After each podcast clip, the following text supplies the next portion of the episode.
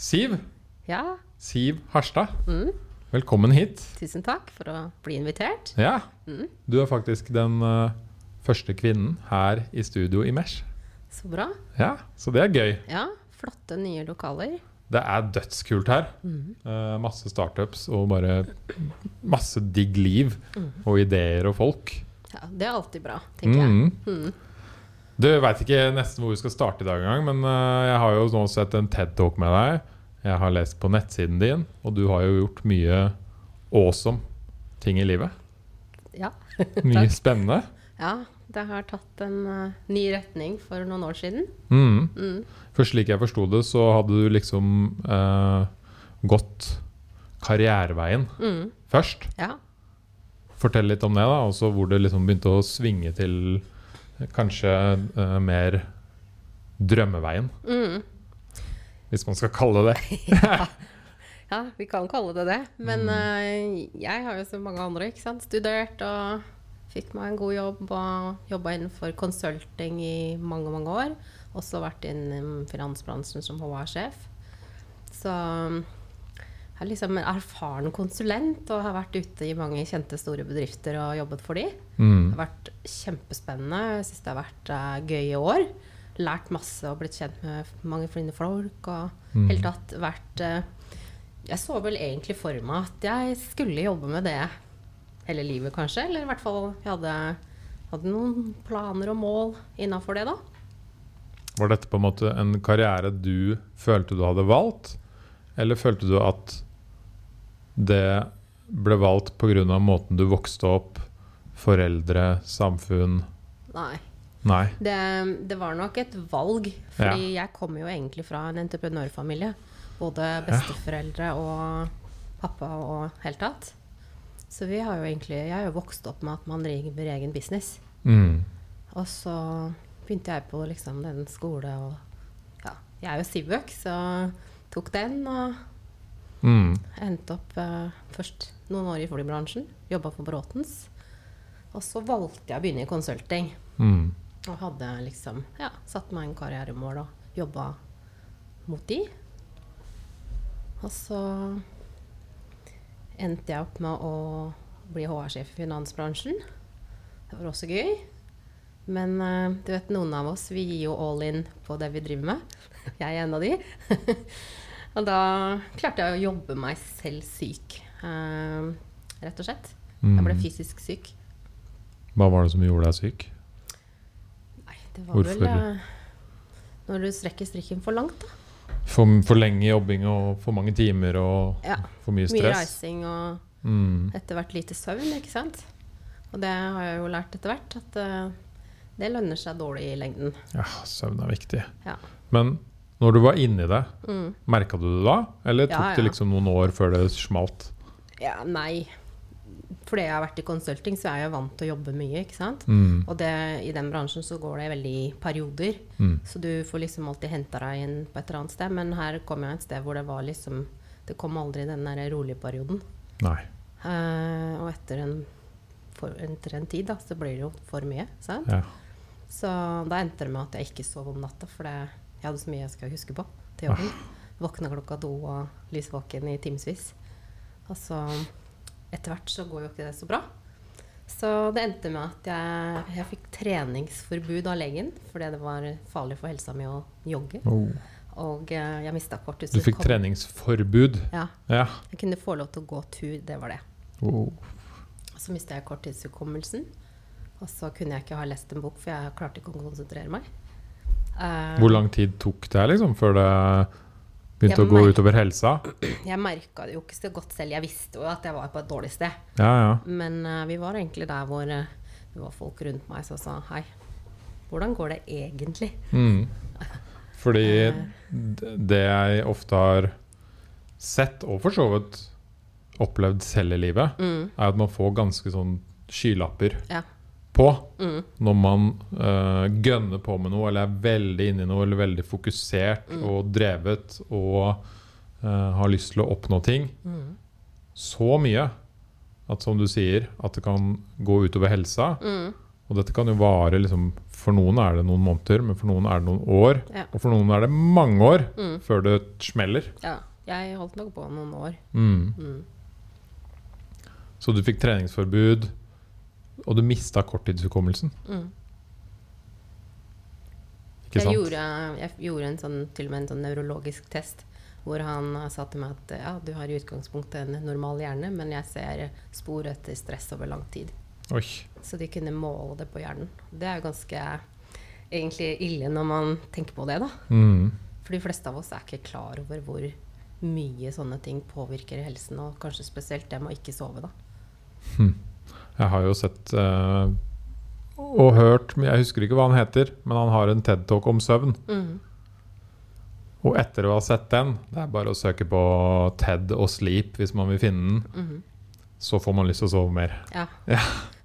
For det er bare sånn Når man sover, så ligger kroppen og helbreder seg. Ja. Enkelt sagt, da. ja, den regenererer. Yes. Mm. Og hvis du ikke gir den det, da blir jo ikke bra over tid. Ikke sant? Og det gjelder både hjernen Ja. og kroppen. Ja. Og det er jo mange som tror at å jo legge inn mer time på jobb betyr at du får gjort mer, men det betyr ikke alltid det. ikke sant? Nei, nei. Du kan være mye mer effektiv hvis du bare er uh, uthvilt og på rett plass i balanse, ikke sant. Mm. Så, så jeg har lært the hard way. Ja, for du Eh. gikk jo på denne smellen, da. ja, og det tok meg et par år faktisk å bli frisk av det. Ja. Jeg trodde jo selv at ja, ja, gi meg 14 dager, vet du, så er jeg klar.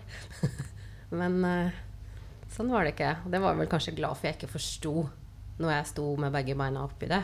Mm. Da er det godt å være en eh, god optimist. Selvfølgelig. Det hjelper veldig, det. Ja. Men hvordan eh, Du fant ut dette av legen, og hva var liksom veien videre da? Nei, det var jo veldig lite hjelp å få i den forstand, annet enn at liksom Ja, måtte, måtte ikke trene så mye og bli fulgt opp sånn i forhold til blodprøver og verdier på liksom som de kunne måle. Mm. Men uh, utover det så har jo jeg selv lest meg opp på få, få i meg nok næringsverdier, det med søvn, lært masse om det, balanse i livet. Så jeg har brukt masse energi på å finne ut hvordan jeg kunne bli frisk. Ja.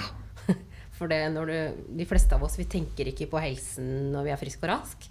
Men når den er borte, da begynner du å bli ganske opptatt av det. Mm. Så, så jeg har gjort mange grep og som jeg har i livet fortsatt, som, som var gode ting, da. Men som eh, jeg kanskje ikke hadde tatt tak i hvis ikke det hadde skjedd. Mm. Uh, og jeg er vel der hvor jeg sier det rett ut. Jeg unner ikke min verste fiende. Jeg har ingen fiender. Men om jeg hadde hatt noen å oppleve det her Men samtidig så er jeg uendelig takknemlig for at det skjedde.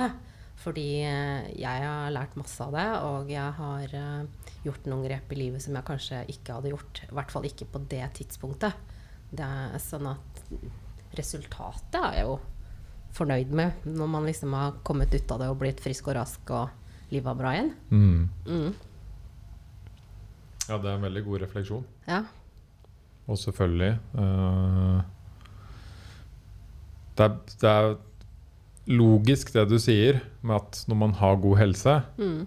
så bruker man jo ikke så veldig mye tid til å tenke på det. Nei. I hvert fall mange. Mange gjør ikke det. Men så er det mange Det er jo også veldig moderne nå å tenke mye på helsa si. da Ja, men det er for mye bra, også. Tenker jeg. Ja. Liksom, for det, det er jo Bare for å ta en enkel ting som mat, da. Det er jo litt hva du putter på som uh, utgjør hvordan du har det, og hvordan kroppen din har det. Mm. Så hvis du fôrer kroppen med dårlig mat, eller uh, sånn dårlig næring, da, så blir det jo ikke så bra i lengden. Nei. Bilen, ikke sant, han må ha bensin. Og vi Absolutt. eh, mennesker vi trenger en del næringsstoffer, og vi trenger uh, sunn og god mat. Uh, så en periode går det jo å spise dårlig mat, men over tid så var det kanskje ikke så heldig. Mm. Hva er det som skjedde videre på reisen din i livet da? Fordi jeg veit jo at du kommer da på noen topper etter hvert. Så Ja, jeg hadde jo vært på noen topper før dette skjedde òg. Um, det var jo alltid en utfordring å være i den type jobber og si «Hm, Kan jeg få fire-fem uker i november? Ferier? du ville jo helst at du skulle ta ferie i fellesferien, selvfølgelig. Yes. Ja. Men, eh, men det, jeg fikk noe til et eller annet før jeg, før jeg ble syk. Og mens jeg var syk, så bestemte jeg meg for å bestige Everest. Kanskje ikke den mest logiske tingen å bestemme seg for. Men, eh, men det var nå det som skjedde. Like før så var jeg i- i Nepal på en klatretur. Eller vi kan egentlig gå lenger bak. Um, for jeg har vært på det sjette høyeste fjellet også, som heter Choyo. Mm. Uh, og når jeg kom ned derfra, så ble jeg spurt om jeg ville komme tilbake Eller når jeg skulle komme tilbake og vi skulle gå på Everest. Og da var jeg bare sånn Nei takk, jeg skal ikke dit. Du hadde nok? Det var nok? Ja, jeg, der og da så, så jeg det som for stor risiko. Mm. Så det hadde jeg ikke tenkt meg. Da så var jeg i Nepal igjen i 2012. Og da ble jeg igjen spurt om jeg ikke skulle bli med på Everest. Og jeg takka høflig nei igjen. og så sier han eh, til meg at Siv, helt seriøst, hvis du vil, så klarer du Kom igjen igjen, Siv.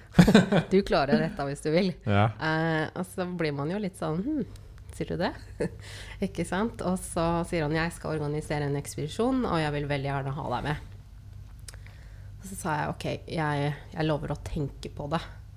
Og så noen måneder seinere, da, så ble det ja. Mm.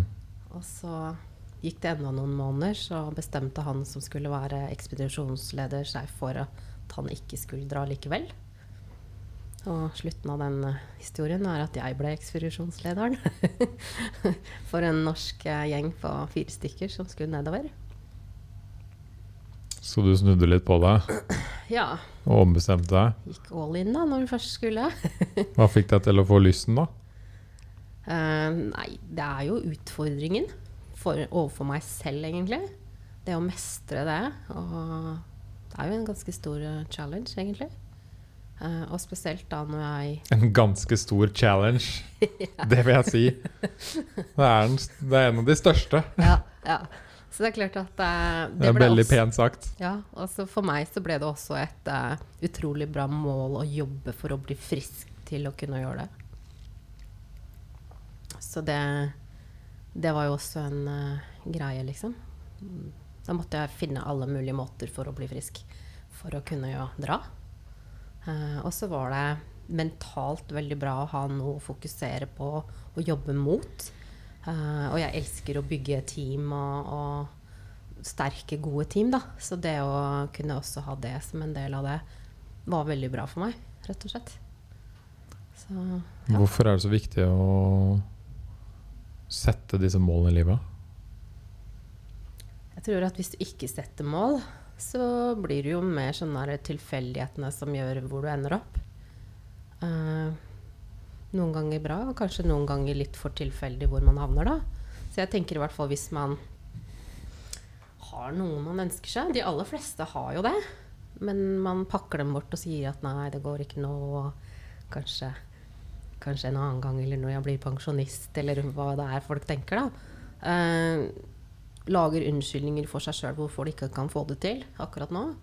Mm, Så de begynner jo ikke å jobbe mot det i hele tatt.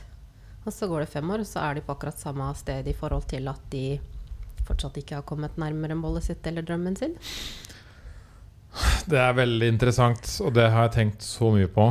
Um, for det første, det med å Den ene tingen du snakka om der, er jo dette med de indre stemmene man har i hodet hele tiden. Mm. Som man av og til lar overvinne. Ja. Altså de indre stemmene, frykten, det man snakker ned til seg selv. Mm. De indre stemmene som dukker opp i hodet hele tiden. Du klarer ikke Jo, jeg har lyst. Nei, det går ikke. Men jeg har egentlig lyst. Mm. Og så hører du for mye på de, den lille djevelen, ikke sant? Mm. Mm. Og så gidder du ikke. Nei. Nei. Og det er jo så synd. Mm. Fordi jeg tror livet hadde blitt så utrolig mye mer spennende og mer rikt da hvis vi hadde turt å prøve litt mer. Um, og det er jo et eller annet som skjer med oss. For hvis du snakker med en femåring, så har du ingen begrensninger. ikke sant? De ønsker seg svømmebasseng, og ikke bare ett til meg, men jeg tenkte at du skal få et òg, ikke sant? Selvfølgelig må vi ha det.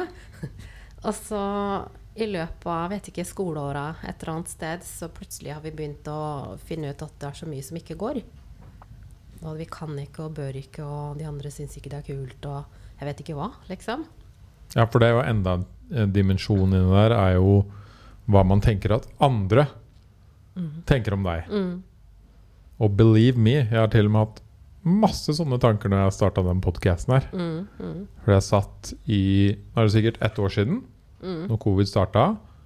Og så jeg hadde tenkt en stund på å lage podkast, og så tenkte jeg Så kom de stemmene, ikke sant. Mm. Hva tenker andre folk om meg? Hvordan skal det egentlig gå? Hva om alle episodene ikke er bra? Alle kjenner seg igjen når de hører det her, Mm. i de stemmene i hodet. Ja, ja. Og så har jeg, hadde jeg det i meg da, og bare tenke jeg må begynne. Mm, Ellers kommer jeg til å angre. ja. Og så kommer det til å ha gått, som du sa, tre eller fem år. Og istedenfor da å ha gitt ut 50 episoder som jeg har gjort nå, Mm, eller 55, så har jeg gitt ut null. Ja. Og så har jeg ikke kommet noen plass videre, ikke sant. nei, sant. Og det er jo den der kjente 'fear of other people's opinion'. Ja. Den eh, stopper veldig mye. Mm, Eh, Ja.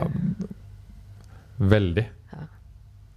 Så det er jo de to stemmene. Mm. Hvordan er det man skal uh, fighte de, da? Men du har jo også en annen Er det vi har, en vi, Eller vi har jo våre egne frykter for ting. Ja. Og jeg var jo redd for høyder, liksom. Jeg må si var. jeg, jeg er ganske tøff i hodet nå. Men før jeg skulle på noen av de første turene mine, så var jo jeg skikkelig shaken Stevens i fjellet når jeg så ned, og det var høyt ned, og syntes det var dritskummelt.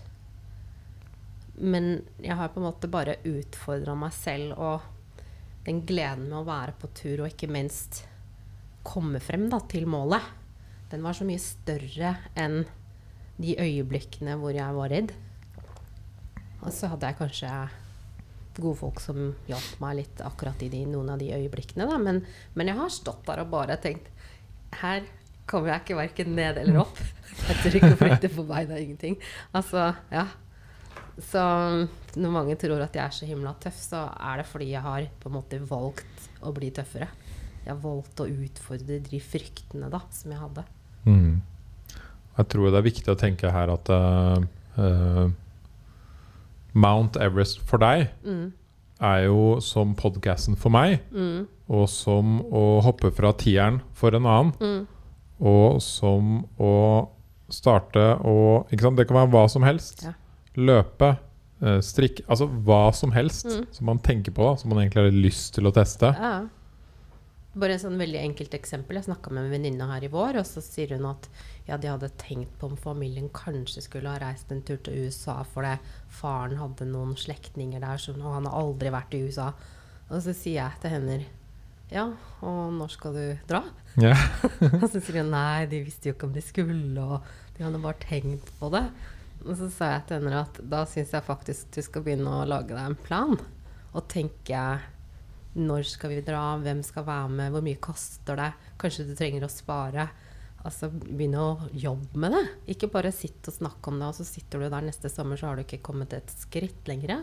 Mm. Og vi vet jo det at foreldrene våre blir jo bare eldre og eldre, så hvis de skal være med oss ut og reise, så kanskje det er på tide.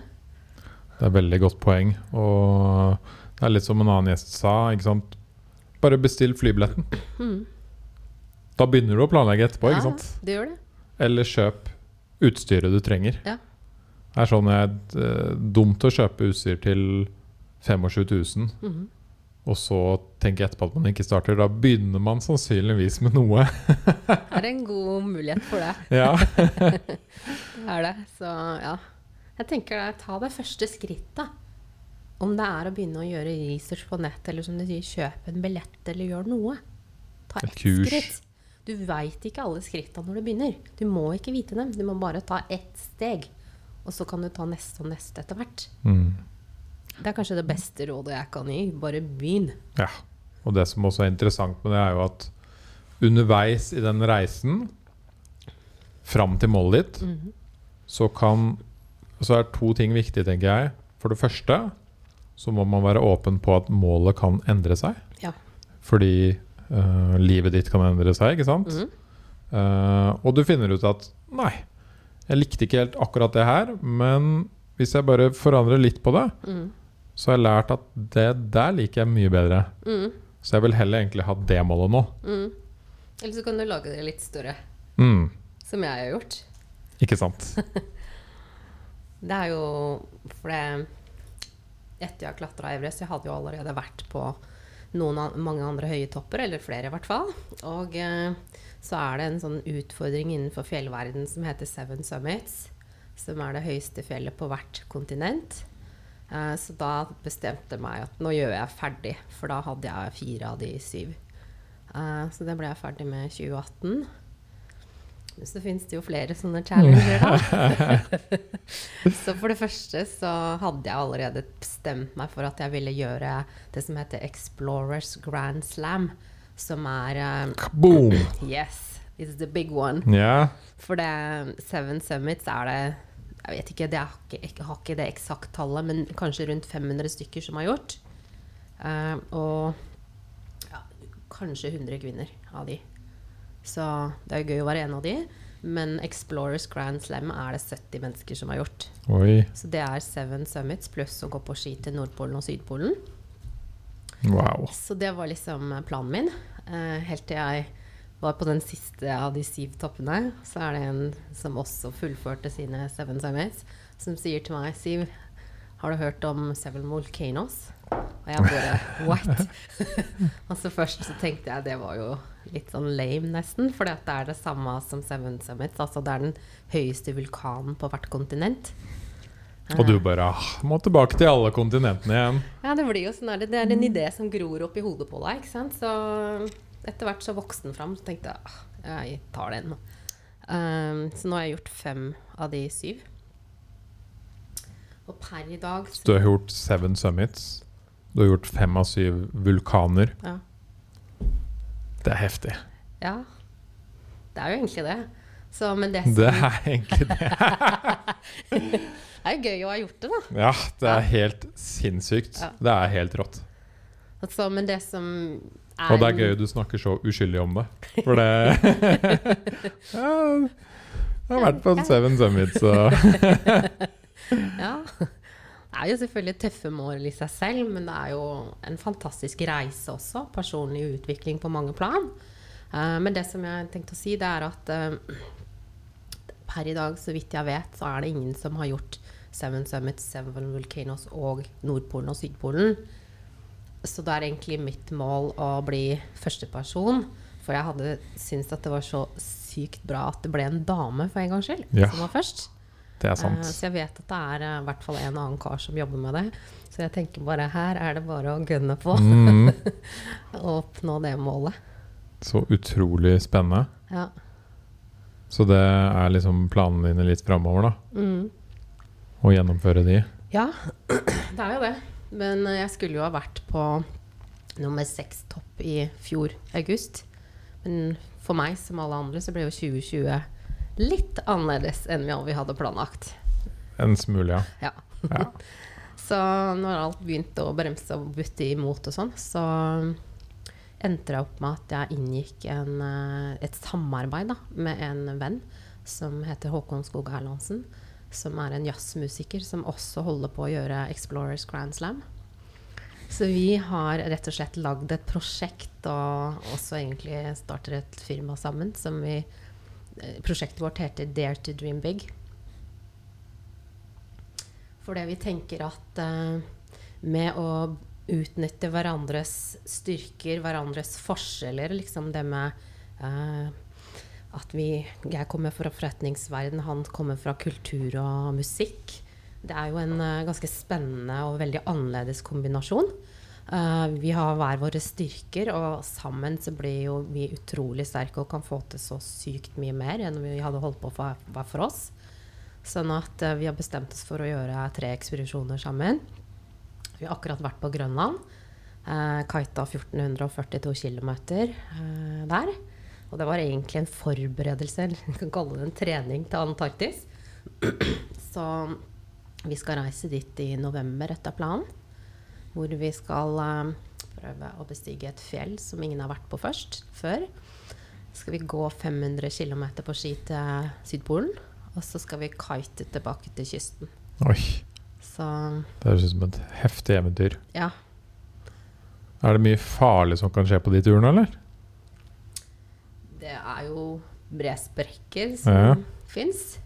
Uh, så er det jo vinder hvis man får skikkelig uvær. Vi fikk jo på en måte det etter oss litt når vi var på Grønland nå. Hvor vi fikk en værmelding en onsdag morgen med beskjed om å komme oss lengst mulig nord innen fredag, for da kom det inn en storm. Uh, så vi ga gass, vi. Kite oss som best vi kunne.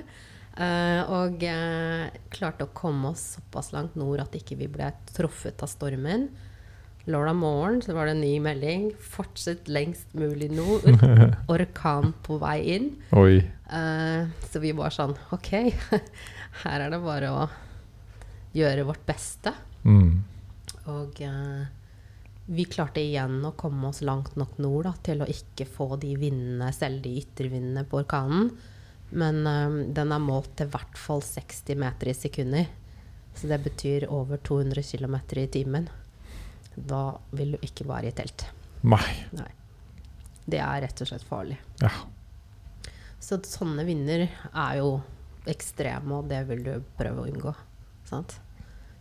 Men da har du et team rundt deg, som du sier, da, som Viktigheten i det er jo liksom det du beskriver her, da, at du får beskjeder og du, du samarbeider, og, Mm. og, og det bare Nå må dere komme dere nordover. Ja, ja. Det er det å ha, ha et godt team, ikke sant. Det er alfa og omega uansett hva man holder på med. Dyktige folk. Eh, og at vi klarer, vi to som var på tur, da, at vi klarte å både samarbeide og levere, liksom. Eh, jeg begynte jo å kite i fjor. For det, egentlig av at de skulle til Sydpolen. Og så ja, kom jo alt stengte ned og sånn. Men jeg hadde rekt å kjøpe meg kite. Så jeg begynte å trene på egen hånd. Mm. Og så med en gang det var mulig å reise til fjells igjen, så hadde jeg en som jeg trente med. Så jeg ble på en måte godkjent av han i fjor vår til å kunne dra til Sydpolen, for han har vært der mange ganger sjøl. Og, eh, så jeg trent masse i vinter, og nå har jeg jo levert 1442 km på 15 dager. Så det Wow. føler jeg at nå kan jeg i hvert fall si at jeg kan jo i hvert fall kite. Så tenker jeg det er også et godt eksempel på at Vet du hva? Det er aldri for seint å lære noe nytt. Det er så veldig mange som tenker at nei, jeg er for gammel eller jeg er for ung også, er jo et, en gjenganger. Det har jeg hørt mange ganger, begge to, ja. Ja. tenker jeg, Det er ikke det, vet du. Nei. Hva har du å si til de folka? Begynn. Ja. Altså For det er så mange ting folk går glipp av som kunne vært så utrolig gøy. Altså Bare dette her med kitinga, det er kjempegøy. Ja, det har jo vært noen dager hvor det ikke har vært like gøy, hvor du ikke har fått til like mye, men du kan jo ikke bare gi opp. Ikke sant? Du må jo bare fortsette å Jeg har en veldig god metafor, da. Det er jo barn som skal begynne å gå. De klarer jo ikke å gå første dagen. Ikke andre dagen heller. Tryner, Ja. slår seg Mm. Men det er jo ingen barn som sier 'nei, det her var ikke for meg', så jeg tror ikke jeg går, jeg. Jeg tror jeg bare sitter. Gidder ikke gå. Så jeg tenker at hvis vi voksne hadde tatt med oss litt av den mentaliteten, da, at uh, ikke man gir opp første gangen man ikke fikk det til, eller andre gangen, men at man tenker at ok, men det er bare å prøve litt til. Hmm. Ja, det er utrolig viktig i livet. Mm. Og det er veldig lett å gi opp. Ja. Og bare nei, jeg kjører eller Netflix. Mm. Det er mye mer behagelig. Ja. Og hjernen vår er jo litt programmert til å like å slappe av og ikke gjøre så mye. Mm. Det er jo også litt av utfordringen da, ja. med hvordan liksom hjernen vår fortsatt i dag funker. Ja, det kan du si. For det er veldig mange vil ha liksom belønningen med en gang. Instant gratification. Ja, Ja. det er en greie. Og så tenker jeg mye av det jeg driver med i dag, har ikke det. Men den belønningen du får etterpå, er jo helt syk. Sant? Eh, bare på den grønlandsturen, hvordan vi liksom Ja, det var jo kaldt, ikke sant? Det var jo minus 15 til 20 minus, og det var vind. Så det sier seg jo sjøl at det var ikke så stas å skulle stå opp og gå ut av teltet og pakke ned og alt det her. Men med en gang du fikk opp kiten og var i gang, så var det jo veldig greit. Men etter å ha vært på liksom inne på grønlandsisen hvor egentlig det meste er helt flatt, og det er noen det er noe som heter sasturgi, da, formasjoner i snøen. Det er det eneste, men alt er egentlig flatt og hvitt. Og du ser ingen til, Det er ikke noe topper, det er ingenting. vært på det et par uker, da. Og så kommer du til kysten, liksom bare den enorme barnslige gleden med å se Å, herregud, det er fjella, vi skal dit. altså, man blir jo helt sånn Det er kjempefantastisk. Mm. Så kommer vi ned til fjorden, og så ser vi liksom breene som kalver, og det ligger sånn isfjell ute i fjorden som flyter ut, og det er liksom bare helt rått. Og så veit vi at her er det ikke mange som har vært. Her sitter vi. Og det er så rått å sitte der og bare være i den opplevelsen.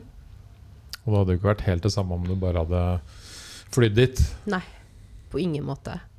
Og så da neste dag hvor det kommer noen jegere, noen inuitter, som henter oss med hundespann. Og bare den turen med de, hvilken fantastisk opplevelse det var. De snakka jo bare grønlandsk, og det kan ikke vi. Men vi klarte å kommunisere på et eller annet plan, og, det var bare en sånn fantastisk opplevelse. Så bare det er jo en sånn premie som er helt Ja, den er rå, rett og slett. Og da er jo det alt det derre kjipe treninga med kiting og lærte meg det, det har vært det. Så verdt det. Sant? Da handler det jo litt om det å brette opp armene og faktisk, som vi snakka om, ikke gi opp. Og Men man må jo også nyte den på en måte øh, veien til målet. Absolutt. Det, for det øh, syns jeg ikke så mange snakker om. Nei. Hvis du setter deg et mål da, som du skal nå om tre år, Mm. så er det dumt å ha det kjipt i tre år. Ja, det går jo ikke. Nei. Det er viktig å ha små delmål, tenker jeg. Ja. Ting du kan feire at 'nå er jeg her', 'nå har jeg kommet til stykket'. Nå, ikke sant? Sånn som du. Du kjøpte deg mikrofoner. Check. Mm. Det er noe å feire. Du har liksom tatt et steg. Du har gjort noe. Så Men den feiringa Ja. glemmer veldig mange. veldig. Fordi med en gang du på en måte har eh, gjort det, da, kjøpt de mikrofonene, så er det neste. Ja. Og så tenker man egentlig ikke et sekund over at nå har jeg faktisk begynt på reisen mot målet mitt Mm. og klart å gjøre én ting. Mm. Jeg tror vi alle har mye å gå på med å feire litt mer. Ja. Også jeg. Selv om jeg f.eks. i går kjøpte meg stor blomsterbukett og sa hæ, hurra, liksom. jeg fått noe. Ja, det, det er så viktig. Jeg møtte faktisk en, en gründer i, i, til lunsj i dag som har gjort det veldig bra. Mm. Og har fått til en eller annen kjempegigantisk deal nå i, i utlandet. Og da sa han det. Bare Henning, nå er det så mange ganger de siste tre årene jeg skulle feira. Nå skal jeg i hvert fall gjøre det. Ja, Og så etterpå, etter det så skal jeg prøve å bli litt flinkere på det. ja, Jeg bare, ja, For du har fått til helt ville ting i tre år. ja, sant? Og det, det må vi feire. Om det er med å gå og kjøpe seg en is, eller hva det er. Men i hvert fall at en liksom Yes. anerkjenner at Yes, vi har fått til noe. Rett og slett. Mm. Det er spennende, den reisen der. Og, og det er jo det å faktisk hive seg ut i ting av og til. da Og begynne. Ja. Og så er det det der med å ikke gi opp selv om det ser ut som det ikke kommer til å gå bra. Bare for å bruke denne her i Grønlandsturen som et kjempegodt eksempel. Altså, alt var jo stengt. Vi visste jo ikke om vi kunne reise. Men vi trente og på en måte planla at vi skulle dra. Og så var det liksom Ja, nå er det fire uker. Vi vet fortsatt ikke om det går. Så var det liksom tre uker. Ja, nå er det to uker. For vi hadde liksom satt oss en dato at vi skulle dra 4. mai. Så når det var to uker, så var jeg inne og sjekka. Tenkte vi hadde fortsatt flybilletter, liksom. Men så turte jeg ikke å kjøpe de, da. Og så gikk det to-tre dager. Og så tenkte jeg nei, vi kjøper flybilletter. liksom håper at det går. For vi, vi hadde fått liksom Vi hadde noen som hadde dialog med myndighetene der borte. Og så hadde vi fått signaler på at de var positive til å skulle prøve å få åpna opp og få til ekspedisjoner. For de er interessert i den delen av businessen som de får av det. Men så bare var jeg inne, og så var det plutselig ikke flere flybilletter 4. mai. Så jeg sånn, nei! Og så fant jeg ut første mulighet var 6. mai. Ok, kjøpte flybilletter. Og så er det sånn fantastisk, for det når du tar et steg To timer seinere så fikk jeg en SMS. Myndighetene Det er liksom Det var bytte av myndigheter, og han eh, nye ministeren var innsatt den dagen. Han var tidligere helikopterpilot, og han var positiv til ekspedisjoner. Så det var bare å sende inn alle papira og gønne på. Fett. Så vi bare hurra, ikke sant, og var helt eh, Ja, på en måte var liksom fantastisk at det var mulig. Det vi ikke visste, var at vi var booka inn på den første flighten etter at de åpna, etter å ha vært stengt hele Grønland i fire, fire måneder. Så der var vi, liksom. Klare. og eh, to uker på å gjøre klar en ekspedisjon er egentlig altfor lite tid.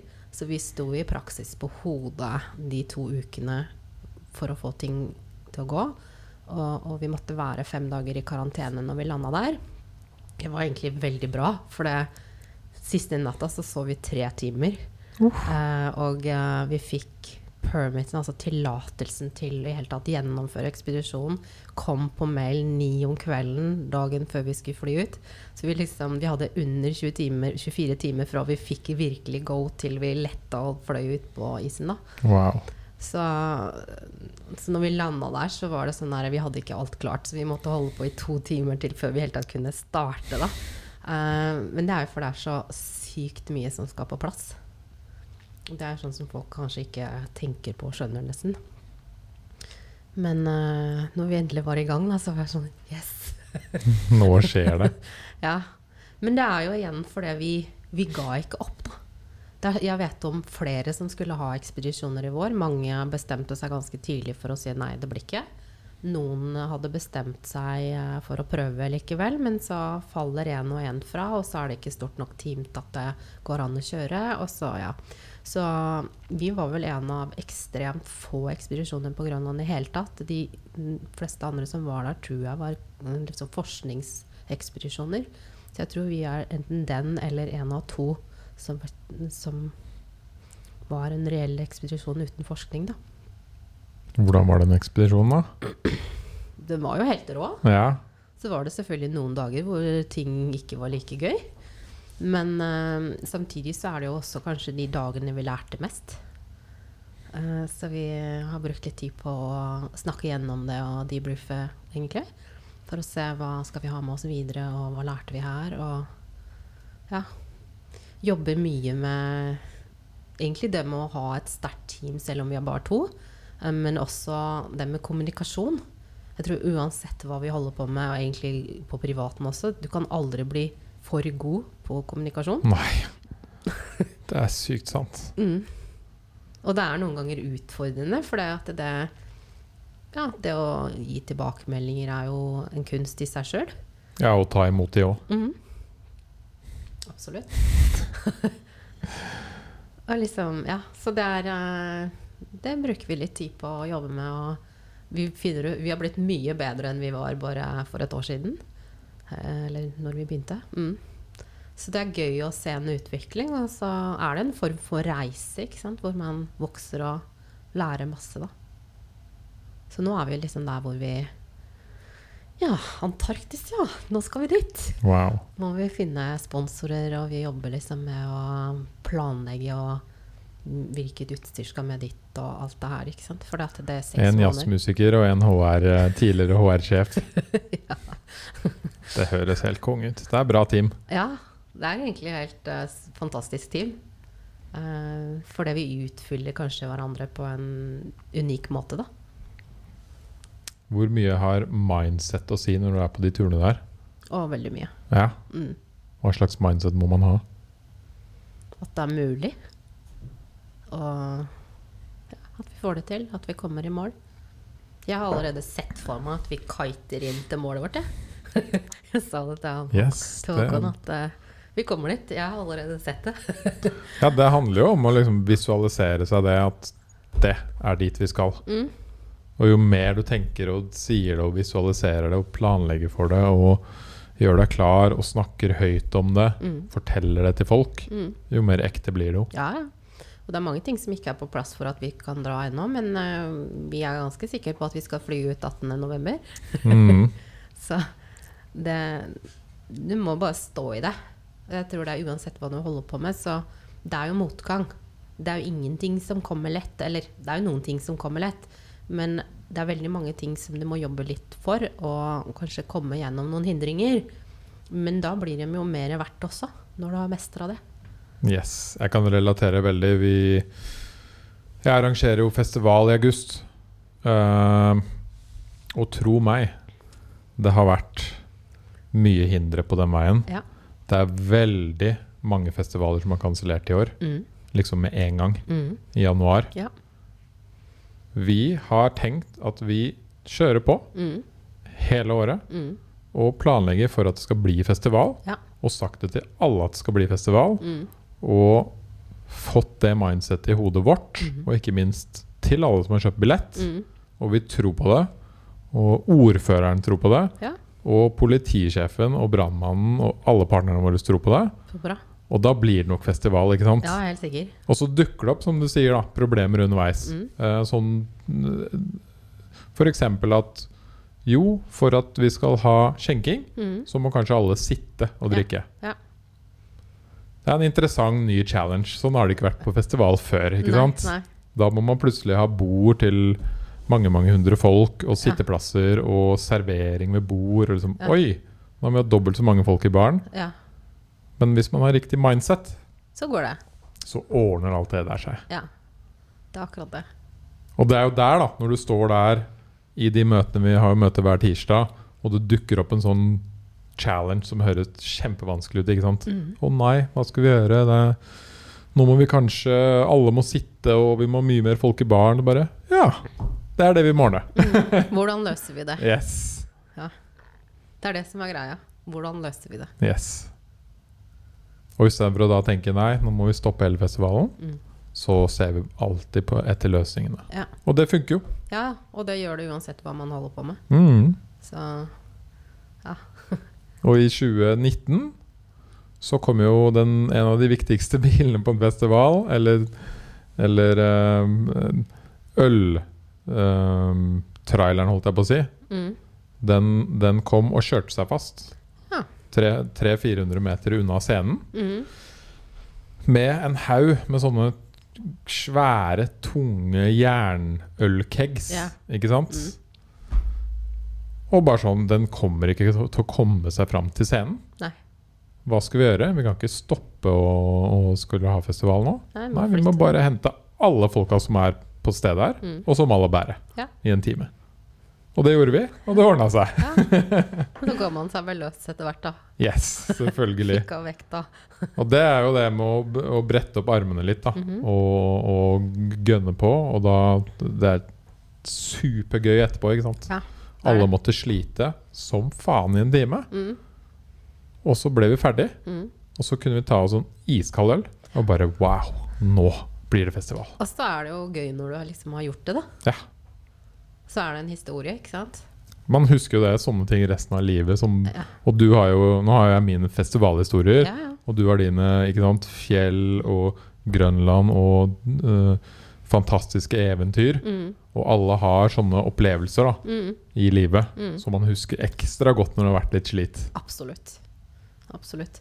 Og det er jo derfor altså sånn, sånn som jeg, jeg liker jo egentlig ikke at det er kaldt. Jeg liker jo å stå på ski og alt det her, men du kan jo lure på hvorfor man finner på å dra på til Antarktis, da. jeg har vært der før fordi jeg har vært på det høyeste fjellet. Og den varmeste dagen var 18 minus, skjønner du. Så jeg veit jo hva jeg går til. Men uh, samtidig så er det Og det å gå alle de mila på ski, det blir jo ikke blomster og solskinn bare det.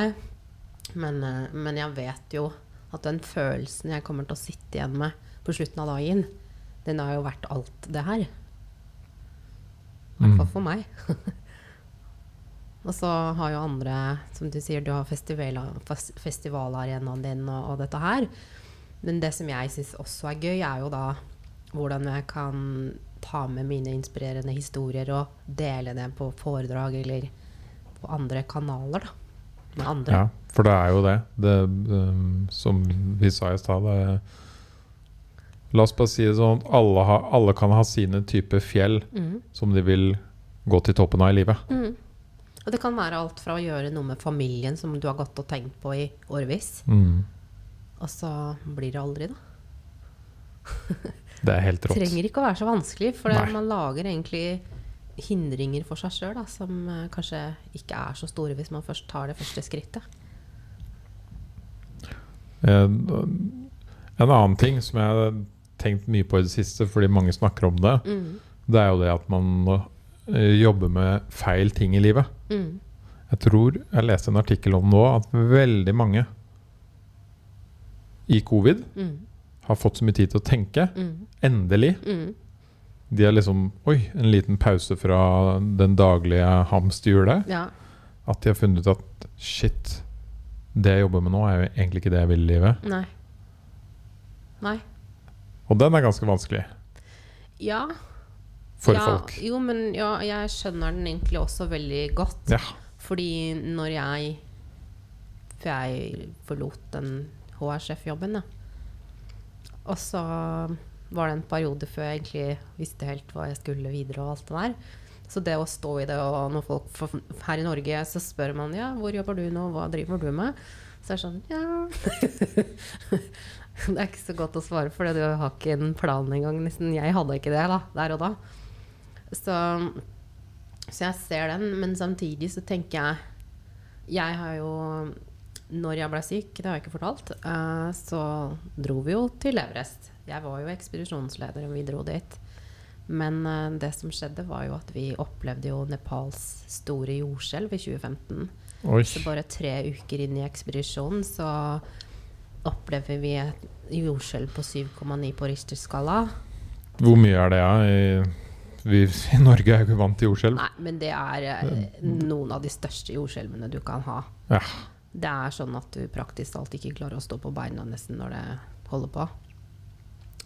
Så ikke sant, den dagen så døde det 9000 mennesker i Nepal, og en million mista huset sitt. Eh, sånn at det var jo en ekstrem opplevelse å være midt oppi det. Eh, vi, der, der og da hvor vi var, så fikk vi et steinras etter oss som vi løp for livet ble på en måte en ny dimensjon, da. Uh, så vi klarte å komme oss unna, og det gikk fint med oss, liksom. Men, men ja. Det gjør jo også en liten sånn uh, wake-up call, om jeg kan kalle det det. Fordi um, da ser du at ja, det trenger ikke å bli 90 år. Det kan hende at det skjer noe før den tid. Eh, og eh, da hadde jeg jo først opplevd å bli syk av jobben min, og så fikk jeg den her. Og så ga jeg jo ikke helt opp Everest, da, så jeg dro jo ned igjen året etter. For det er det der med å ikke gi opp målene sine, sant. Eh, bare for å oppleve at jeg mista synet på toppen av Everest. Du, på, du var på toppen av Everest og mista synet. Ja. Det er For å si det sånn, det er ikke det Det- stedet i verden jeg hadde valgt hvis jeg kunne velge. Nei. Eh, så jeg fikk noe som heter et ødem på hornhinna. Som uh, pga. oksygenmangel til hornhinna, så produserer den en væske for å beskytte seg selv. Og da gjør det at ikke den væsken meg for, hindret meg fra å se. På toppen. Mhm. Det begynte Hvor blind holdt jeg på å si, blir man Du kan si det sånn at det, jeg mista konturene i sneen og sånn like før vi kom, mens jeg var på sydtoppen, så 100 høydemeter før toppen. Men jeg tenkte ikke så mye på det der og da, egentlig. Og så mens jeg var på toppen, så ble det veldig mye verre. Så vi skulle begynne å gå ned igjen, så først så, så jeg skikkelig dårlig, og så tilbake på sydtoppen så så jeg ingenting. Um, og der er det både smalt og ekstremt langt ned. så da er mindset ganske viktig, da. Jeg har jo hørt det er lettere å gå opp Everest enn ned òg. Ja. Fordi når du går opp, så har du bare det målet at du skal komme deg opp. Mm, Og når du, og når du har nådd det målet og begynner å gå ned igjen, mm. så begynner du å tenke på alle risikoer og familie og alt mulig. Ja, eller så er man jo også så mer sliten enn du er Yes. på vei opp. ikke sant? Så det er lettere å gjøre feil. Uh, men uh, det ble jo en ekstra challenge som kom inn fra sidelinja der, da.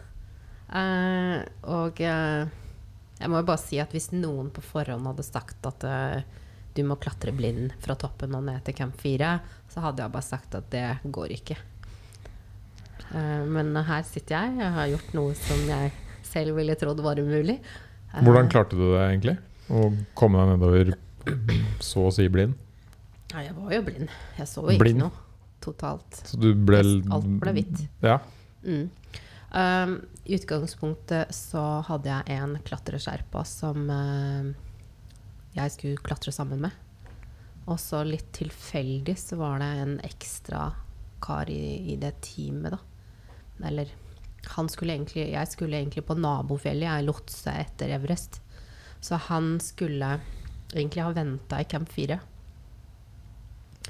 Men det var en lykkens dag at han glem, ikke gjorde det, og jeg glemte at han skulle være der. For hadde jeg tenkt på det, så hadde jeg bedt han om å være igjen. For han skulle jo være frisk og rask til vi kom ned igjen for, for å være med meg videre. Men han ble med til toppen. Og det var jo en, eh, om jeg kan si, Guds lykke. Altså. For da kunne han ene klatre foran meg, mens han andre hjalp meg med taua. For da f.eks. når jeg rappellerte, ikke sant, så rappellerte han ene først, og så ordna han andre tauet til meg, for jeg så jo ikke tauet. og så ga han det til meg, og så sa han OK, Siv, nå kan du rappellere 50 meter. og så sto han andre og bare sa OK, stopp, nå er du nede. så jeg er veldig glad for at jeg hadde klatra såpass mye før at jeg både var komfortabel, men ikke minst kunne å rappellere i blinde. Jeg hadde jo aldri prøvd å gjort det før uten å se, men det, var, eh, det kjentes veldig ok ut å gjøre det, for jeg kjentes, følte som jeg var i kontroll. da. Mm. Og så var det jo noen partier hvor vi brukte andre teknikker, hvor det ikke var så bratt at vi rappellerte, liksom. Men eh, det ble jo et ekstremt teamsamarbeid da, med oss tre. Shit. Så vi brukte jo veldig mye lengre tid. Jeg tipper kanskje tre ganger så lang tid som vanlig ned, om ikke mer. Eh, så det ble en ekstrem lang dag. Siv blind på toppen av Everest. Du fikk sett først, eller? Ja, Før du ble blind? ja. Når jeg kom opp, så så jeg jo ganske greit. Så Heldigvis. yes. Ellers så hadde du sikkert gått opp dit igjen. Kjenner jeg deg rett, så er det sånn Nei, jeg var blind, så får ta en ny tur neste år. Ja. Så, nei, så det ble jo en eh, det, Alt det her da ble jo liksom tre ting som kom innenfor en vet ikke, fire-fem år, seks år. Og da var det, da er det liksom lett å se at vet du hva Livet er for kort til å holde på med ting som du ikke liker. Veldig bra sagt. Ja. Husk det, alle som hører. Ja. Skriv det ned. Jo, men jeg mener det seriøst. Altså, det er Ja, så mange som sitter på jobben og er sånn halvfornøyd. Og de kanskje De gjør det nesten bare for penga, men jeg tenker altså Penger er ikke alt. Hvis ikke du er lykkelig Det er eller har veldig det bra. lett å la seg blinde og lure av blinde av Mm. penger. Mm, Veldig. mm, Og ikke minst uh, bli avhengig av det. mm. Ehm, fordi man på en måte venner seg til en lønn og en livsstil. Ja. Og det at det er komfortabelt Ja. og enkelt. Mm. At jo lenger du er inni det, jo skumlere blir det å gjøre noe annet. Helt klart. Ja. Helt klart. Og det er jo den typiske fella her i Norge, tror jeg. Mm. I tillegg blir ikke vi på en måte lært opp når vi er små til å følge the dream. Nei. Vi blir lært opp til å få sånn jobb. Mm. Og være der, liksom. være der. Mm. Og kanskje bytte av og til. Innenfor samme sektor. Ja. ja. Veldig. Ja, det er jo den norske reisa. Ja. Eh, og da, når man for det første lærer det hele livet, så begynner man å jobbe. Og så er det jo litt gøy å få høyere stilling. Mhm. Og så får man høyere lønn. Mhm. Og så får man inn disse vanene etter hvert, da. Ja, så kliner du til med et leilighet eller hus, da, og så er du litt sånn låst, for da skal du plutselig betale for det, og så Sant? Men, men det er jo så mange muligheter i dag. Eh, jeg selv gjør jo noe frilans, liksom. Det, folk syns jo det er kjempeskummelt, men det er jo egentlig ikke det. Egentlig så er jo vi litt sånn Vi lurer oss selv, da. Fordi du tror du har en fast jobb. Men uh, altså jeg som har vært HR-sjef, jeg vet jo det at innimellom så outsourcer man avdelinger. Plutselig er du ansatt et annet sted. Plutselig så må man nedbemanne. Så ja, da er det noen som må gå. Og jeg tror det at uh, over tid så vil veldig mange mennesker oppleve det at man må bytte jobb, eller mister jobben av en eller annen grunn. Altså, da er det kanskje tre måneders oppsigelse. Da. Det er jo ikke så egentlig trygt. Nei. Så det, det er liksom lurer seg sjøl til å tro at du er, har det trygt og fint i en fast jobb. I stedet for å kanskje ja, prøve å være gründer. Da. Få til noe nytt. Og det som er morsomt oppi alt det her, at i Norge så er det jo det tryggeste landet ever å Mhm. teste å være gründer. Ja, Det er sånn, nei, det funka ikke, jeg la ned AS-et, og så går jeg tre måneder på Nav, og så får jeg meg en jobb. Ja. Vi har jo så mye sikkerhetsnett her Ja. at det er helt latterlig. Ja, virkelig. Å sammenligne for det fordi jeg har reist mye og vært på alle kontinenter, så har jeg også venner på alle disse stedene. Og se hvordan det er andre steder. Det fins jo ikke noe Nav, det fins ikke forsikring, og det fins ikke verken det ene eller det andre. Altså, du må klare deg sjøl. Og folk der tør jo mer enn oss. Ja. Det er det verste. Det er sprøtt å tenke på. Ja. Og det er litt synd. Ja, veldig. Det er mange mange smarte folk og mye kule ting som hadde blitt funnet opp og gjort hvis folk liksom gutsa litt mer. Mm. Og så er det jo en annen ting inni det her, da. At man må jo ikke slutte i morgen med jobben sin. Nei, Ikke sant? nei, nei. Du kan jo begynne å starte med noe på si. Yes. Kanskje du til og med får lov til å Enkelte steder så er det jo muligheter for at man kan jobbe redusert en periode. Kan du liksom holde på med litt trygghet og litt mm. nytt. Og det tror jeg er smart for mange. Ja, absolutt. Få Det- opp en, en liten sånn grunnbase, da. Og få testa litt, begynt litt, Mm. lukta litt på nye muligheter. Mm. Så det Ja, vi bor jo i det tryggeste landet i verden Mm. og tester ting. Ja. På alle mulige vis. Ja. Altså, vi, vi er litt sånn født med en uh, sølvskje i munnen når vi havna her. Altså Litt, På alle veldig. mulige måter. Mm. Og, og det som også slår meg noen ganger, er jo at når du er i noen land som egentlig kanskje er ganske fattige, hvordan Hvilken glede folk har da, av enkle ting. Og hvordan vi egentlig litt har glemt det. Uh, så da har vi litt å gå på. Vi tar det for gitt. Ja. Altfor mye. Ja, jeg har jo bodd og jobba i, i India et år, Mm. og Da tror jeg du skjønner hva jeg mener. veldig godt. Der ser man virkelig de tingene og de forskjellene. Mm. Og i den bedriften vi jobba i, det var gjennom Fredskorpset, Mm. så tok de basically nesten indre med litt IT-kompetanse fra gata, Mm. og ansatte dem og lærte dem opp, og på en måte lærte dem å jobbe med nordmenn. Eh, og jeg var hjemme hos flere av disse folka her. Mm. Spesielt husk, jeg husker veldig godt en ble med fire eller fem av de gutta som sikkert var to-tre år yngre enn meg. Mm. Sikkert, da, på den tiden så var kanskje de 25 år eller noe. Mm. Og bare ja, 'Du må kom, eh, komme og se på hjemmet vårt.' Jeg bare, ja, Kjempegøy. Mm. Og det var jo bare et uh, rom Mm. uten gulv, Mm. med bakke. Mm. eh, mørkt. eh, ingen seng. Mm. Så å si ingenting. Ja. Uh, og jeg bare OK. Og så lagde de litt god mat, og liksom, det Mm. var veldig hyggelig. Mm. Uh, og veldig annerledes for meg. Og så spurte jeg hvor sover dere? Og de så rart på meg. Ja. Og bare Bakken, selvfølgelig. De sov jo her. Ja. Mm. På gulv på bakken. Mm. Liksom, og det var jo bakken. Ja. Uh, jeg bare OK. Mm. Viktig for meg å se i livet. Ja. Ja. Og, og poenget med den historien her er at av alle steder jeg jobba i livet, så var det helt klart de gutta der som smilte mest. Mm. Hver dag. Mm. De smilte fordi de hadde en jobb, de smilte fordi de kunne uh, få lønn, få mat, hadde tak over hodet, Ja. og liksom fordi de kunne ha humor og glede i hverdagen. Da. Mm. Det hadde mye å si for dem. Ja, men det er akkurat det. Hvis du har et hjem, et sted å, som er trygt å bo, hvis du har mat og hvis du har en jobb, så har du mer enn de fleste. Mm. Og det er så lett å glemme. Og hvis du kan være takknemlig for det, så tenker jeg at du har kommet langt på vei, da. Ja, og det, vi er så fjernt distansert fra det å ikke ha det. Mm. Så i India veit de jo alternativet Ja. veldig godt. For det er jo bare å gå ut på gata, ikke sant. Mm. Og så ser du ja, her har du folka som ikke har jobb Ja. og tak over hodet. Mm. Og jeg er ikke, de er ikke langt unna der hvis de mister jobben. Nei, nei. Mens hvis vi mister jobben, så er det jo Det er egentlig fortsatt ganske trygt og greit. Det er det. Ja. Men det som også fascinerer meg For jeg har jo ikke vært i India, men jeg har jo vært tilsvarende også i Afrika, ikke sant. Hvordan de kommer ut av disse husene med nystrøkne skjorter og ser Ja. superrene og fine ut.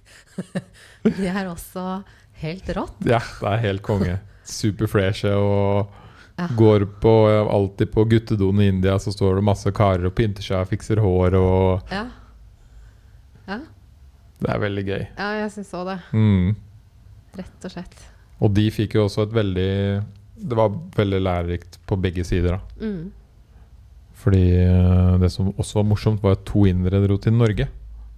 Og bodde her et år. Mm. De får jo helt sjokk hvis de Ja. kommer fra den bakgrunnen. Yes. Mm. Og mitt første tips til dem, fordi vi møttes i tre uker først, Mm.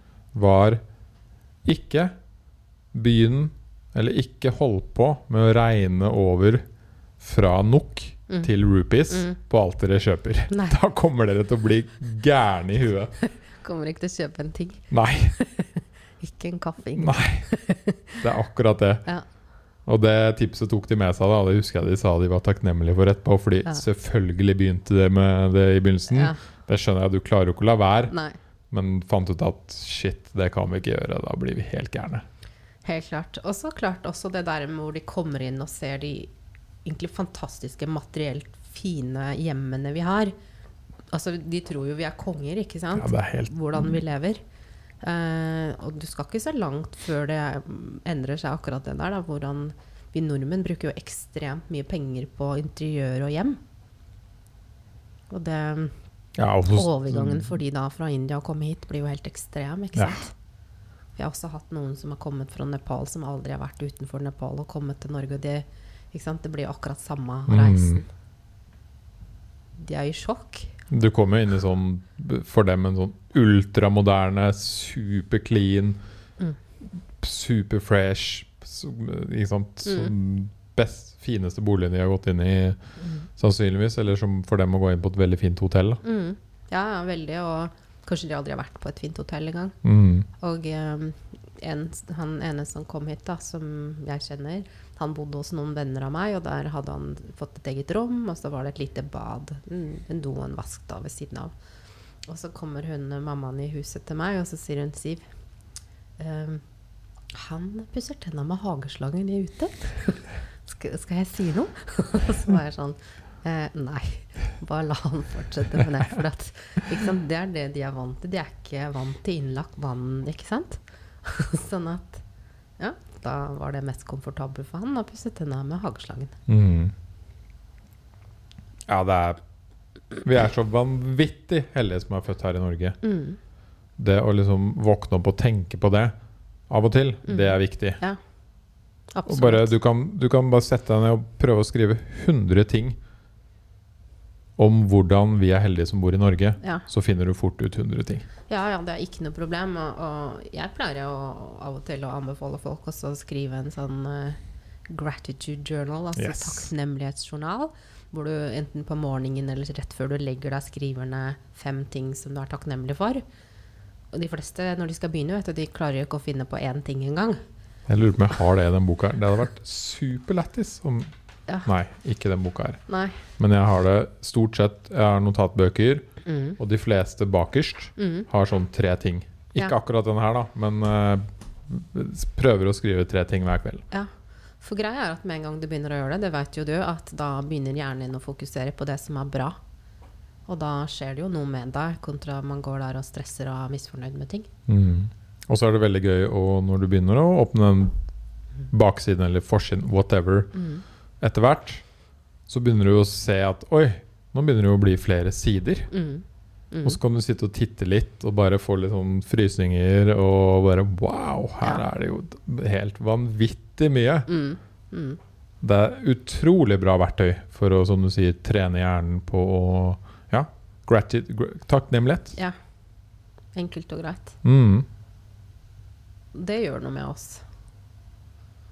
Så Og det er veldig lett på, å glemme. Kan godt begynne. Do that shit i kveld. Ja. Begynn å gjøre det. Jeg gjør det. Mm. En, jeg trenger ikke å kjøpe en fancy bok engang, men har du det, så er det supert. Jeg har en sånn fin, hatt en fin tanke i det siste. Hvis man begynner å tegne en, en strek Mm. Og dette her gjelder både dine drømmer Mm. og ditt liv Mm. og i business. Mm. Og den streken, den vil alltid både gå ned og opp Ja, ja. i sånne daler. Mm. Ikke sant? Mm. Uh, I livet ditt så er det alltid noen som vil dø. Mm. Uh, I livet ditt er det alltid uh, sykdom Ja. eller noen kjipe ting som skjer. Mm. På samme måte er det alltid noe veldig bra som skjer i livet. Mm. Og det kan være alt mulig. ikke sant? Du har faktisk kjøpt deg en leilighet, eller du har begynt med noe nytt, eller du har fått deg et eller annet, eller Ja, ja. fått deg kjæreste, eller du har spist noe godt. What? Veldig masse Mm. sant, takknemlige ting du kan ha. ja, ja. Veldig. Og det samme gjelder da, som sagt, eh, både business og i livet, og ting du drømmer om. Mm. Som du fortalte om din historie. Mm. Skal man opp på Mount Everest, så går de dalene Ja, ja. på den streken veldig opp og ned. Ja, ja, det er jo ikke Du går jo til og med opp og ned fjellet, vet du. Du går jo opp til camp 2, og så ned igjen til base camp, og så opp til treeren, og så ned igjen. Stemmer det? Ja. Mm. Så når vi skal på de høyeste fjellene, så går vi jo fjellet flere ganger. men, eh, men det er god trening, da. Altså vende kroppen til høyden på den måten. Mm. Det må vi, for hvis ikke så hadde det ikke gått. Så du tusler opp til en camp, litt ned igjen, Ja. opp igjen, ned igjen, Mm. og så oppgraderer du sakte, men sikkert. Mm, det er jo derfor det kalles basecamp. Fordi man har det som en base ikke sant? og har tinga sine der. Og så er det liksom oppover og ned igjen og, og holde på. så, men, eh, men det er en, eh, en form for reise, det, som alt annet, ikke sant? Um, men det er jo vel så mye forberedelser og utstyr og planlegging og veldig mye av jobben er gjort før du i det hele tatt drar på tur. Så f.eks. nå når vi har seks måneder igjen til vi skal til Antarktis Vi har jo så mye vi skal gjøre, ikke sant? Og vi, eh, vi jobber litt med fordi vi har lyst til å lage en eh, challenge hvor vi inviterer folk til å være med oss på det um, når vi er på tur, eller kanskje vi skal ha den før vi drar. Så vi jobber litt med sånn Ja, hva kan vi gjøre for å engasjere folk, da? Um, så at de på en måte er med oss litt på tur. Mm. Um, så vi, det er masse ting å jobbe med bare for sånne ting, da. Ikke bare det praksiske, praktiske. Og så skal vi jo selvfølgelig trene, da. Det tar jo mer enn én en time i uka. Sant? Så, så det er mye, mye jobb. Men uh, det er liksom jeg sier, at når du gjør det, og når du når målene dine og drømmene dine, da, så blir det jo det er ingenting som kan måle seg med det. Uansett hvilken drøm man har, tenker jeg. Om det er eh, noen som drømmer om en fin bil, eller ta med familien på telttur, eller Ikke sant. Det jeg driver med, det er ikke for alle. Det er noen ytterst få av oss. men, men jeg tenker at uh, hvis alle Det er bra du sier, fordi man skal ikke leve Man skal ikke leve i andre folk sine drømmer. Nei. Nei. Og jeg merker jo wow, Mount Everest, det høres sinnssykt ut. Og sinnssykt gøy og sinnssykt fett. Det betyr sannsynligvis ikke at jeg kommer til å gjøre det. Nei. Nei. Nei. Ja, fordi jeg har helt andre drømmer, ikke sant? Mm. Og det syns jo jeg er bra. Mm. For det, hvis alle hadde kunnet det samme, alle hadde villet det samme og gjort det samme, det hadde jo blitt et ekstremt kjedelig samfunn. Så jeg syns det er bra at vi er forskjellige, og um, vi er jo på en måte kommet der fordi vi har noe å bidra med, alle sammen. Eh, og det er så mange som ikke pakker ut gaven og bruker den. Så det hadde jo vært uh, fint hvis vi kunne sparka noen litt bak, og Mm. fått folk til å tenke på hva de kan gjøre da, for seg og sitt liv. Det er så uh, kjipt å plutselig en dag være 85 Mm. og sitte og angre Mm. på masse ting du egentlig hadde lyst til hele livet. Ja. For uansett hva du gjør, så er det sjelden du angrer på det du har gjort. Yes. Og man kan treffe bunnen og feile, men å angre er mye verre. Mm. Faktisk. Jeg har en god venn som jeg satt oppe med her i stad. Mm. Han hadde dødskul jobb. Han er en veldig veldig uh, inspirerende person. Dødskul jobb. Uh, masse bra som skjedde. Kom på en idé uh, som han bare Dette her må jeg Dette er det jeg egentlig vil gjøre i livet. Mm.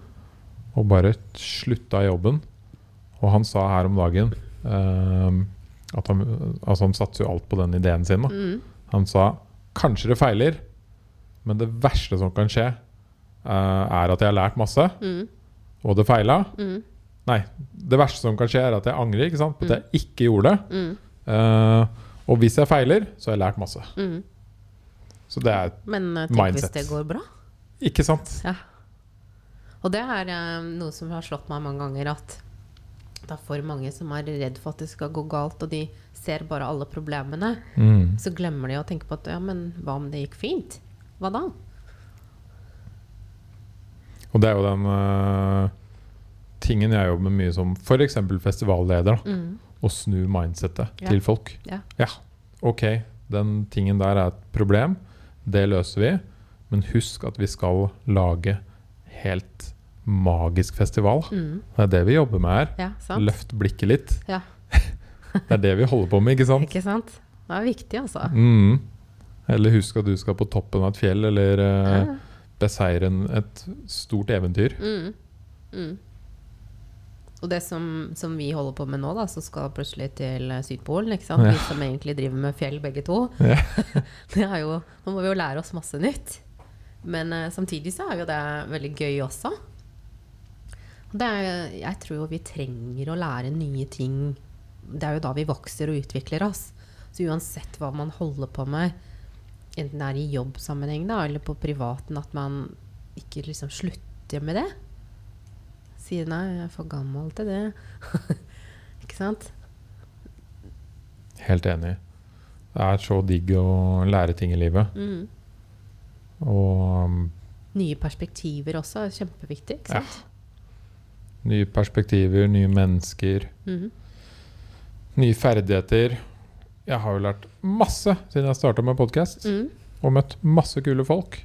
Og jeg ser jo folk begynne med uh, Samboeren min har begynt med pilateskurs. ikke sant? Mm.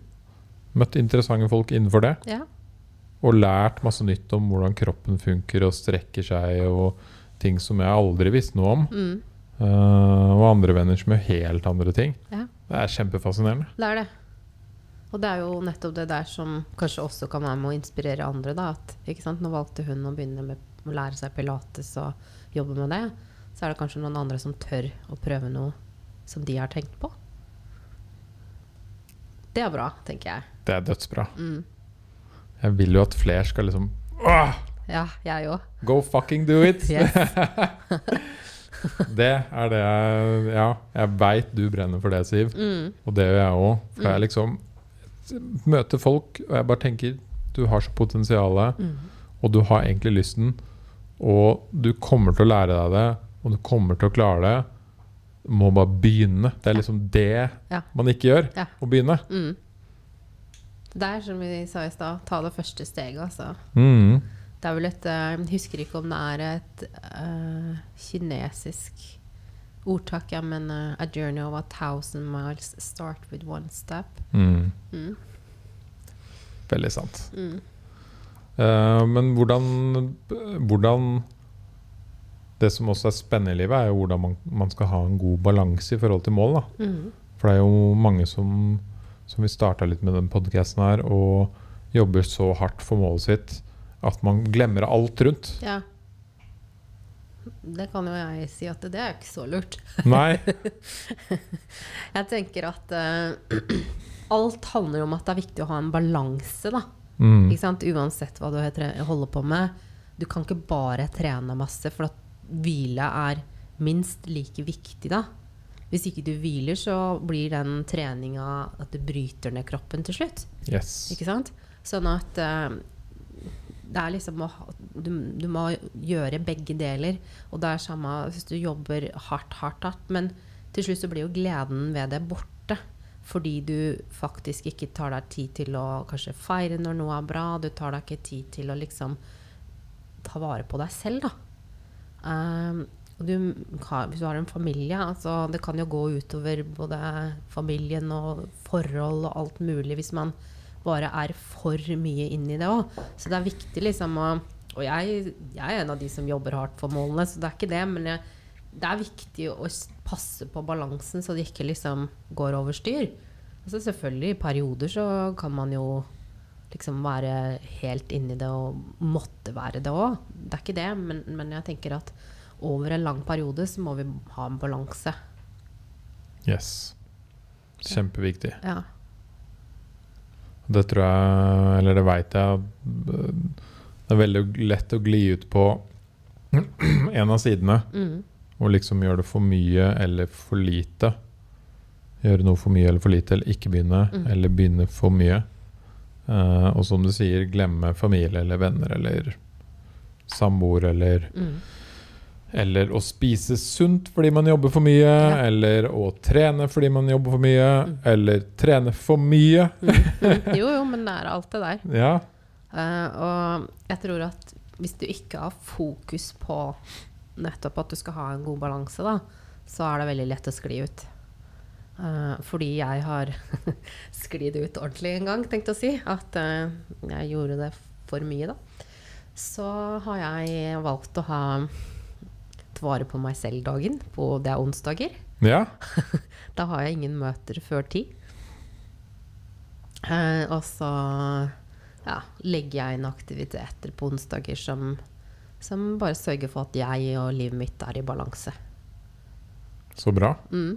Jeg har jo mellom syv og halv ni hver morgen. Mm. Hver ukedag, da. Ja, Hvor jeg liksom mediterer og leser. mm. Og nyter kaffe. ja. Jeg gjør en del sånne ting utenom onsdag òg, men, men onsdag er spesialdagen. For da kan The da, magic day. Ja, men da skal jeg ikke ha noe dårlig samvittighet for å gjøre ting som jeg kanskje ikke ville gjort på en annen ukedag, da. Mm. For det også Sånne små ting, vet du. mm. Det er kjempebra. Jeg tenker at det er så mange som går rundt og har dårlig samvittighet for at de gjør ditt eller datt. Men uh, slutt med det. Mm. Helt klart.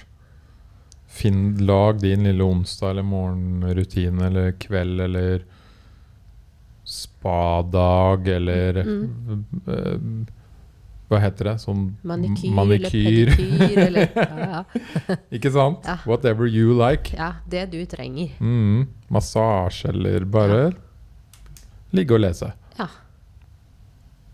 Finn ut hva er det du trenger, og så du- gir du deg sjøl det. Mm. Og Og da har du mer energi til å gønne på når Mm. du skal det. ikke sant? Absolutt. Og, og sette av tid til å være med venner eller familien og disse tingene òg. Alle blir jo mer glad av det. Ja. Har du barn, ikke sant? Pass på at de får vært med de, ikke bare at de er liksom opp på barnehagen og hjem og rett i seng nesten. Altså man, man må ta seg tid til de når man først har de. Mm. Så ja, det er mange, mange ting som er viktig å ha balanse på, da. Men eh, hvis man har litt fokus på det, så tror jeg vi får det til mye bedre alle sammen. Det er veldig bra. Veldig bra, Siv. Jeg syns jo det er så gøy å høre det her fra deg, fordi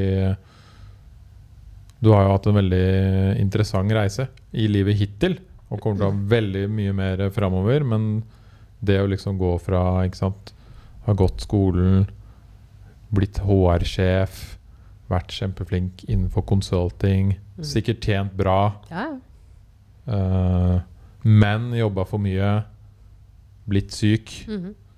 uh, og så videre klart og liksom gått opp The Seven Summits Mhm. og vulkaner Mhm. og Grønland, og du har flere mål. Eh, og få til de tingene samtidig som å ha en balanse i livet. Mhm. Det er kjempeinspirerende. Mm. Og hvis du klarer det, så klarer jo alle. ikke sant? Ja. Hvis jeg klarer å lage festival, så klarer alle. Ja. Det er jo det som er poenget her. Det er Mm. ikke noe sånn øh, øh, sykt spesielt med oss, Nei. utenom at vi bare gønner på med de målene og tester, Mm. og er åpen for å også feile. Og så tør å gjøre det selv om det er skummelt. Mm. Eh, absolutt. Og det interessante er jo at jeg har endt opp som entreprenør igjen, ikke sant. Etter å ha vært gjennom corporate-verden. Men det er jo veldig gøy også. Givende. Mm. Mm. Mm. Og veldig gøy når jeg får uh, ut og holde foredrag. Og jeg gleder meg til at det åpner at vi kan ha fysiske møter igjen. Ikke sant? Ikke bare online. Ja. Så Jeg gleder meg til å stå på en, i en øh, svett kjeller på en klubb, så Alle har forskjellige ting Ja, de gleder og, seg til. og ikke sant at det kan gjennomføre den festivalen nå i august. Ikke sant? Yes. Fantastisk. Og det kommer til å skje. Ja, Mm. ja jeg tror jeg. Jeg òg. Jeg veit det kommer til å skje. Mm. Så det blir bra. Ja. Men Siv, Mm. eh, det har vært kjempegøy å snakke med deg i dag. Eh, hvor er det folk kan lese mer om deg? Og følge deg, eller Jeg har en eh, nettside som heter Aim Lofty, som betyr å sikte høyt og stort. Uh, så det er aimlofty.com. mm. Der finner du meg, og der har jeg, skriver jeg litt blogg. Kanskje et par bloggposter i måneden. Kommer til å bli en del eh, om grønlandsturen fremover nå. Deler litt både bilder og historier og sånn.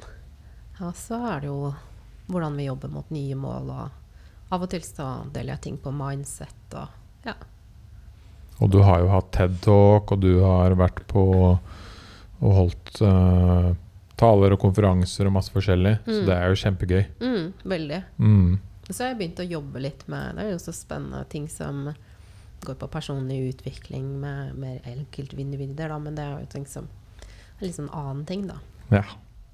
Kjempebra. Mm. Tusen takk for at du var med på podkasten i dag. Ja, takk. Takk for at jeg fikk komme. Veldig hyggelig. Så får du ha masse lykke til på de neste eventyrene dine. Ja, tusen takk. Og så lykke til med å ha mange episoder på podkasten. Det, det skal det bli. fullt trøkk på festival. Absolutt. Ok, Ja. ha det bra. Tusen takk. Ha det.